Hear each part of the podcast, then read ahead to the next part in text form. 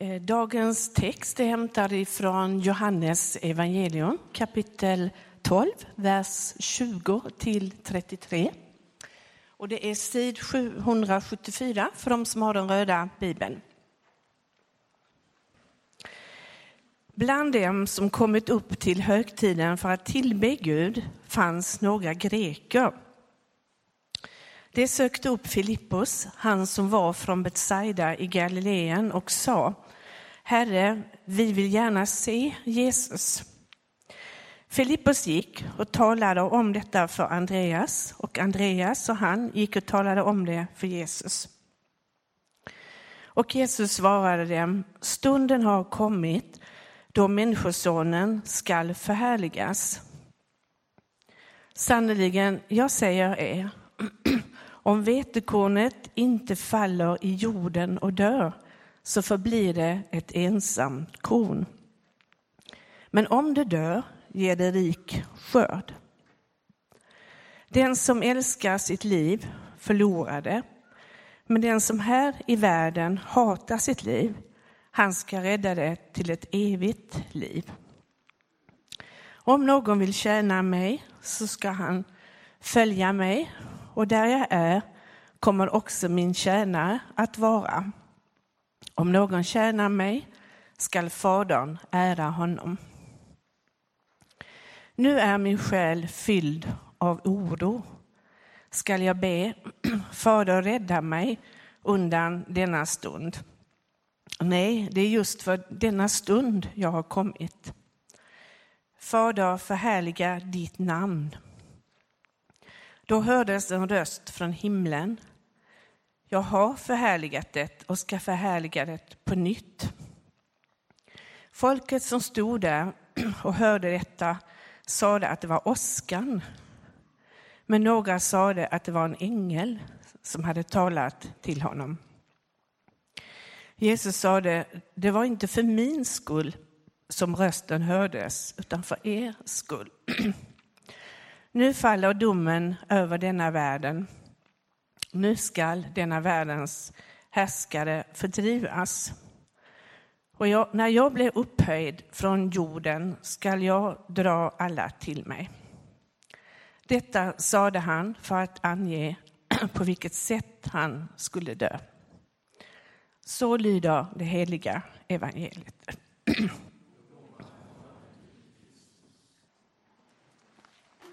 Hur många har ätit semlor ännu? Ja, men rätt så många. Gör många. Passa på nu, för i veckan inleds fastan på onsdag. Ehm, och ehm, den här söndagens tema, kärlekens väg, rampar liksom upp för det som börjar på onsdag, fastan. Så de sitter ihop. För fastan, det är ju att avstå från någonting. Och det som börjar på onsdag pågår under 40 dagar med undantag för söndagarna, för söndagar är alltid uppståndelsedagar. Så är det i kyrkans år. Men i 40 dagar, ända fram till påsk, avstår vi från någonting för att vinna någonting. Det är själva grundidén med fastan. Och vad är det man vinner då? Ja, man vinner förmodligen en insikt, en korrigering, en fördjupning. Så att det viktiga i mitt liv inte blir viktigare än det viktigaste. Jag ger mig själv den andliga övningen för att för mig själv mejsla fram vad är det viktigaste. Vad är det som jag inte vill tulla på i mitt liv som efterföljare till Jesus Kristus. Och så finns den här övningen som man kan gå in i på olika sätt. Ät en fasta idag också, på måndag också, på tisdag också, men sen är det slut. Det ligger någonting i det.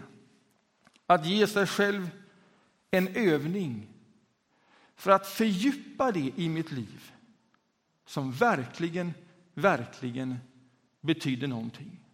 Så att det inte bara förblir en läpparnas bekännelse och idé om vad som är viktigt, utan verkligen, verkligen håller när det kommer till kritan.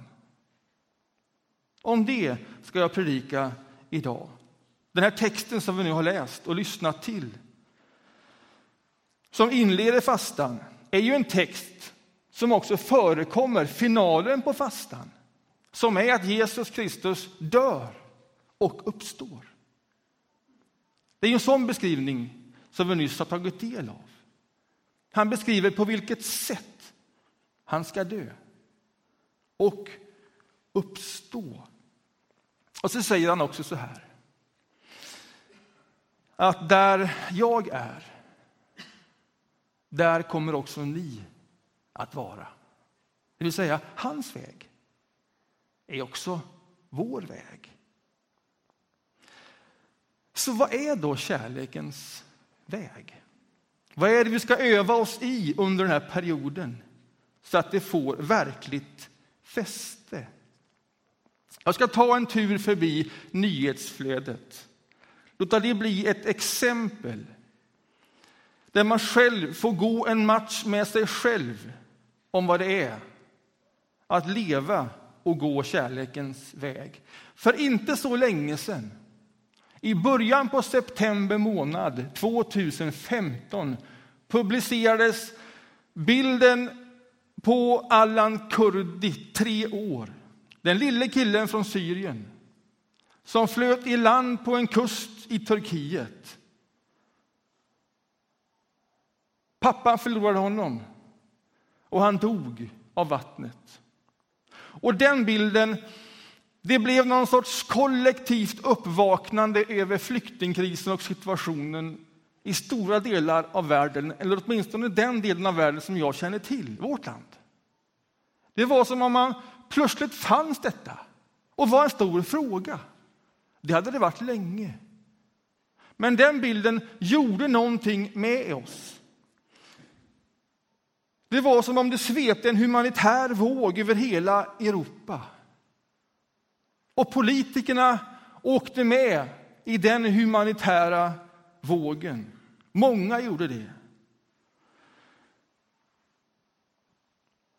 Och det var som om det var en ny opinion som tog över de mer fientliga tongångarna. Och det var liksom lite lättare, lite ljusare. Den opinionen och den vågen och den humanitära rörelsen händer någonting med ganska snart. Bara ett par månader efter det. Så är det som att det kommer en ny våg och nya tongångar och nya opinioner. Mot slutet av samma höst. Vilket föranleder Alf Svensson, Europaparlamentarikern, den gamle nestorn svensk politik, att skriva en artikel, en debattartikel där han ställer frågan om varför man så snabbt har svängt och nu tävlar om att stänga igen dörren hårdast och mest resolut. Hur kunde det gå till? skriver han. Och den artikeln den får ny spridning och så hamnar han på andra tidningar i intervjuer, bland annat i vår hemmatidning GP här. Och så får han frågor och så säger han till journalisten som frågar om det han nu har skrivit. Vi har tagit emot många människor på flykt tidigare. Och det kan låta konstigt, säger han. Men jag är övertygad om att det har varit en välsignelse för Sverige. Därför att ytterst är det saligare att ge än att få. Och så rotar han, den gamle politiske Nestorn, han rotar sin ståndpunkt som får honom att igen ge sig in i svensk politik. Han rotar det, inte i politiska ideologier som är någonstans 200-300 år gamla. Nej, han rotar det ännu längre tillbaks än så. Han rotar det i det evangelium som han bekänner sig till. Det finns långa trådar i hans fromma språk. Ytterst är det saligare att ge än att få. Det svänger snabbt i opinionerna. Alldeles, alldeles för snabbt, tänker jag. Och så läser man alldeles nu i den här veckan om en annan politiker som säger ja men väljarna har alltid rätt. Och så kanske det är för en politiker. Jag vill inte förenkla det. För i någon mening är det ju så att det är den väljande rösten som ger mig makt och möjlighet att påverka. Så visst är det så. Men hur ska man förhålla sig till väljarna när opinionerna svänger så här snabbt i så stora frågor? Hur djupt ska man grunda sina övertygelser i svåra, komplexa situationer och frågeställningar? Och detta är inte bara en fråga för politiker. Det är bara ett exempel. Det är allas vår fråga. Vart är du grundad? När opinionerna flyger fram och tillbaks, snabbt och kraftfullt. Vart står du då någonstans? Vad betyder det att gå kärlekens väg? Under 2015 tog Sverige emot 160 000 människor som söker asyl. Det är som en stor svensk stad på ett år. Det är enormt mycket människor som för med sig jätteutmaningar, stor komplexitet. Men de är här. Det är ett faktum. Så detta kan inte gå omärkt förbi. Så kommer en ny artikel. Jag ska läsa lite mer ur GP för er och sen går vi tillbaka till bibeltexten igen. Jag lovar. Det fanns en teolog eh, på 1900-talet som hette Karl Barth. En, en av de stora verkligt. Och han sa så här att teologi ska alltid förstås med Bibel i ena handen och med tidningen i andra handen. Men man måste veta vad som tolkar vad.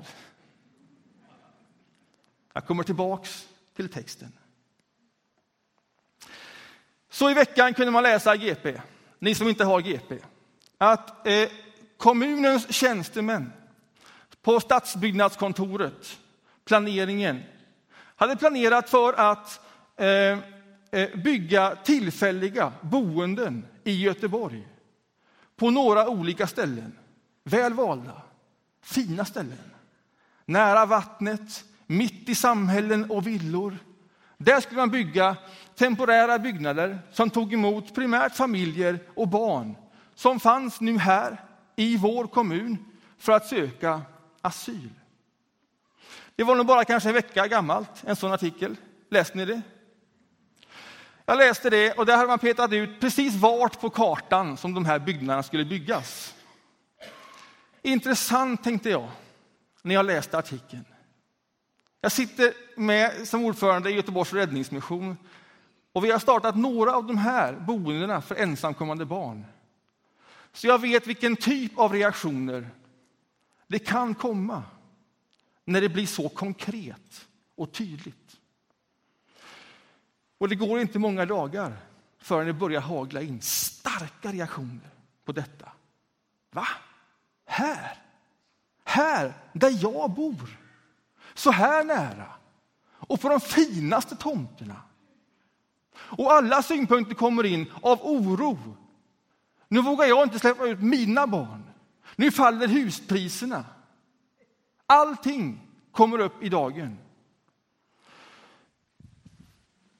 Och så svänger vindarna väldigt, väldigt snabbt. Jag menar 160 000 människor på ett år. Det kan inte gå omärkt förbi. Eller hur? Någonstans kommer det påverka oss. En av Sveriges mest segregerade städer. Eller hur? Och så slår man ut tidningen i fredags. Här på ett mittuppslag står pastor Gustav Björkman i träningsläder för han tränar eh, eh, unga killar ute i väster. Han är pastor i Fiskebäcks missionskyrka. Och han får frågor omkring det här. Och han skriver så här. Eller han skriver inte, han säger och någon skriver. Redan innan den senaste veckans upphetsade protester mot kommunens tolv planerade flyktingboenden hade församlingen sagt ja till Räddningsmissionen att bygga ett boende för 15 ensamkommande flyktingbarn på församlingens mark vid Unnereds byväg. Och så säger han så här. Det ska vara så nära oss som möjligt. Vi har utmanat alla medlemmar att bli fadderfamiljer, kanske bjuda hem ett barn på söndagsmiddag, fredagsmys. Och genom kyrkan kan vi ge barnen trygghet och en alternativ miljö. Det är strålande. Den rösten som är rotad i evangeliet, som är rotad långt, långt, långt tillbaka i tiden och djupt i övertygelsen, är viktiga när opinionen svänger snabbt från ett håll till ett annat. Men naturligtvis finns det rädsla också i vår församling. Och jag känner stor respekt för folks oro. Detta är viktigt. Och så säger han en mening som väl bara kan betecknas som briljant. Rädsla kan kortsluta sinnet. Ja, men känn på det. Jag undrar om Gustav har sagt det. Eller om journalisten har förskönat det. Men det är ruggigt bra i alla fall. Rädsla kan kortsluta sinnet. Och det har pastor Björkman stor respekt för. Det måste man ha. För så är det för alla människor. Att rädslan kan kortsluta sinnet. Och så avslutar han lika briljant som han börjar, eller vem det nu är. Ja, men han ser Fiskebäck som en förfärlig plats om motståndarna skulle driva igenom sin vilja. Inte minst för de invandrare som redan bor här. Och så säger han detta.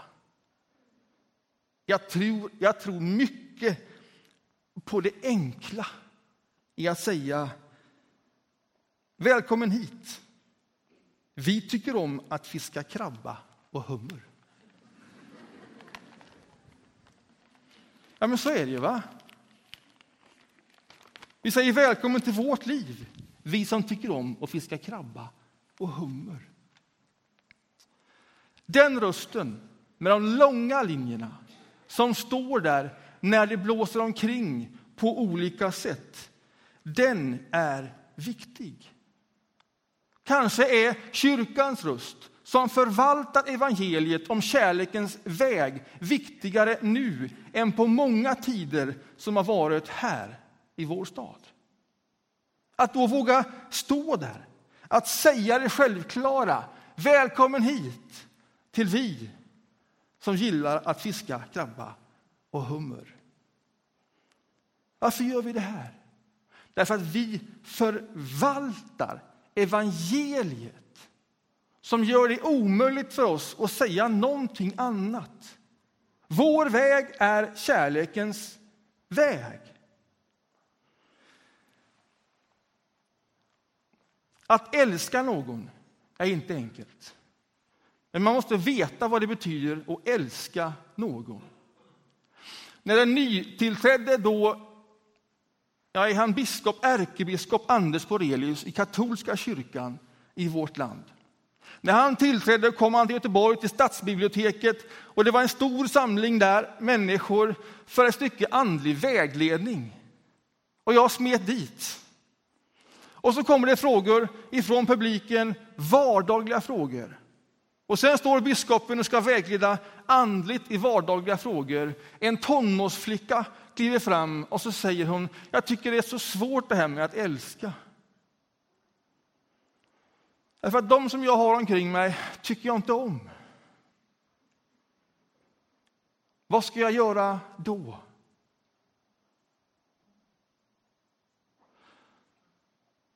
Och så kliver den nyvalde biskopen fram och så säger han, det är en väldigt bra fråga. Vet du, säger han till tonårstjejen, Man måste skilja på att älska och att känna sympati. För det är inte samma sak. Du kan älska någon som är djupt osympatisk. För de människorna, de finns, de kommer alltid finnas. Annars skulle det vara omöjligt för Jesus att säga älska era fiender, de som förföljer er. Men blanda inte ihop känslorna som sympatin uttrycker. Kärlekens väg, den är djupare än så. Den är djupare än sympatin. Det är en väg, ett förhållningssätt, ett handlingsmönster. Känslorna, det är som opinionen som rör sig fram och tillbaks, fram och tillbaks. Att älska, att gå kärlekens väg, det är någonting annat. Ett briljant svar. Det är tjänstemännen som har föreslagit de här tolv boendena. Nu ska politikerna fatta beslut. Kommer det bli boenden eller kommer det inte bli boenden? Vart rör sig opinionen? Och på vilka grunder ska man fatta beslut som politiker? Hur ska vi orientera oss? Det är inga enkla frågor. Kan man ge vägledning utifrån temat, utifrån kyrkan och evangeliet? Ja, man kan ge vägledning utifrån den texten vi har hört. Om vetekornet som måste falla i jorden och dö för att inte annars förbli ett ensamt korn. Utan som måste dö för att därigenom ge rik skörd. Vad är detta? Ja, Jesus säger och förklarar den som älskar sitt liv ska förlora det. Men den som här i världen hatar det, den ska vinna någonting större. Hårda ord, krassa ord, han tar i för att göra det tydligt, det som är hans egen väg och som det här beskriver. Vad är det för väg? Jo, han ägde allting. Avstod från allting. Han ägde allting. Till och med Guds gestalt, Guds jämlikhet och väljer att avstå från den jämlikheten för att bli som en av oss, en tjänare. Han äger allt. Han låter det dö. Och bara så kan någonting annat växa fram. Någonting större, någonting viktigare, någonting vackrare. Åh, vad svårt det är. Det som är så viktigt för mig, det jag håller tag omkring, det som betyder så mycket, saker, övertygelser, Åh, vad svårt det är att släppa taget om det, att låta det dö som måste dö för att det inte ska få bli ensamt. Jag älskar ju detta här i mitt liv. Åh, vad det går på djupet av oss människor. Att släppa taget om saker och ting. Och vad är det som, tycker, som gör att det är så svårt att släppa taget? Ja, en av de sakerna det är ju rädslan för det vi inte vet på andra sidan. Vad är då det? Vad kan det istället bli? När rädslan gör att vi håller fast, kanske ännu starkare omkring det. Och då säger pastor Björkman att rädslan, den ska man ha respekt för, därför att den kortsluter sinnet. Och man ska ha respekt för det. Och man ska inte moralisera över allt det vi läser på ett alldeles, alldeles förenklat sätt. Därför att det handlar inte om alla de andra, det handlar om mig, mina övertygelser, mitt liv. Och när det kommer nära, ja då kanske det inte är så himla enkelt som det är i teorin.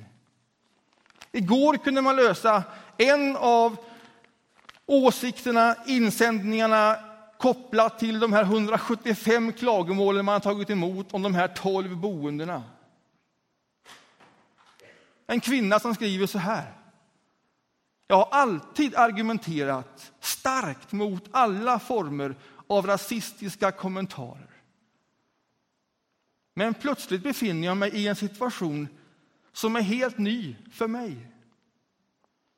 Nu när jag själv är personligt berörd och mina egna barns trygghet är hotad så vattnas alla mina tidigare argument ur.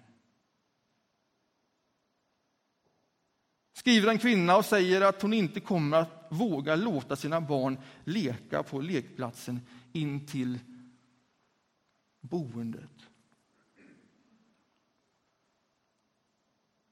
Man ska ha respekt för rädslan. Och man ska gå en match med sig själv för att veta hur djupt rotad är jag i denna kärlekens väg. Hur mycket läpparnas bekännelse är det? Och hur mycket när det väl kommer till kritan? Min väg, den jag går. Vad är jag beredd att släppa taget omkring?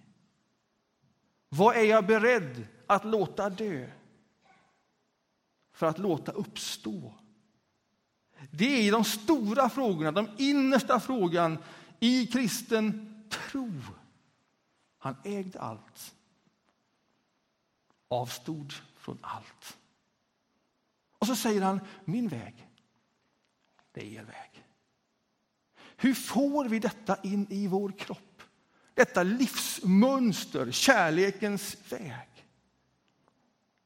Det som gör att jag glädjer mig varje söndag som vi delas kring detta bordet, att vi inte hoppar över någon söndag utan är på det varje söndag. Det är att varje söndag, åtminstone en gång i veckan, så får jag ett bröd lagt i min hand där någon säger till mig, titta mig i ögonen, Kristi kropp är utgiven för dig. Och sen får jag en bägare och någon som tittar mig i ögonen och säger Kristi blod är utgjutet för dig. Joakim, han gav allt. Han hade allt, men han gav allt. Hör du det? Tror du på det? Vågar du ta det till dig? Vågar du tugga det in i ditt liv? Vågar du låta det gå ut i varje cell i din kropp? Så att det livsmönstret, kärlekens väg, blir en del av mitt livsmönster. Så att jag går den vägen, så att jag är där han är. Och därför kanske fastan kan vara lite viktig. Därför att det är en liten, liten övning som nästan inte kräver någonting av mig. Annat än att jag tar ett beslut om att avstå från någonting under en väldigt kort period. Som känns bara lite, lite, lite, lite grann. Och sen övar jag mig i att släppa taget om någonting. För att genom den lilla andliga övningen vinna en djupare insikt om vad som verkligen är viktigt, om vad som är kärlekens väg. Men om jag inte på 40 dagar är beredd att släppa taget om någonting som är viktigt i mitt liv, då kan man fundera över vem man är när man en gång står och det kommer till kritan i mitt liv. Vad är det då jag vågar om jag inte har övat mig under ett liv att släppa taget om någonting? Jag tror var och en av oss behöver gå en match. Just för att opinionerna svänger så snabbt från dike till dike. Vem är då jag? Vart står jag någonstans? Går jag kärlekens väg? Vill jag gå den vägen? Är det enkelt? Nej, detta är sannerligen inte enkelt. Jag vill inte förenkla, jag vill göra det tydligt, men jag vill inte förenkla därför att rädslan kortsluter sinnet. Och man måste ha respekt för det, för så är det för oss alla. Och just därför behöver vi få in vägen i vår kropp. Är det enkelt? Nej, det är inte enkelt. Så här säger Jesus, nu är min själ fylld av oro. Så känner han. Och ska jag då be Fader rädda mig undan denna stund? Ja, men det är ju frestande, eller hur? Någon annanstans, men inte här. Inte i mitt liv. Och han är lika klar på det och säger nej, nej, nej. Det är för denna stund jag har kommit. Detta är kärlekens väg. Detta är kärlekens väg. Och sen hör de en röst som säger på Jesu bön. Fader, förhärliga ditt namn. Så kommer rösten och svarar på det och säger, jag har förhärligat det och jag ska göra det igen.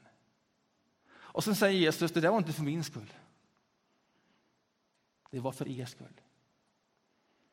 För att ni ska veta att ni inte är ensamma. Att också när ni går den vägen så förhärligas Guds namn. Var trygg i det. När det svänger och blåser på alla håll. Och så är det alltid med Jesus. När han ger de största utmaningarna. Gå dit, gör det. Så lägger han till, men vet, jag är med er alla dagar. Alla dagar.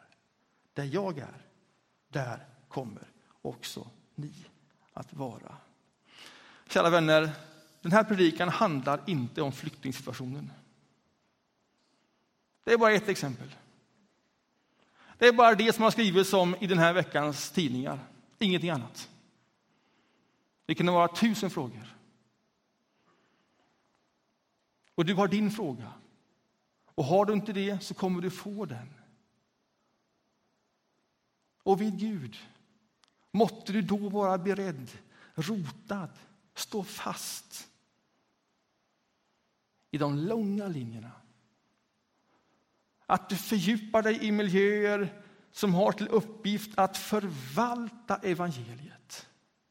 Att ytterst är det saligare att ge än att få. Att du står stadigt rotad. Att du går kärlekens väg. Amen.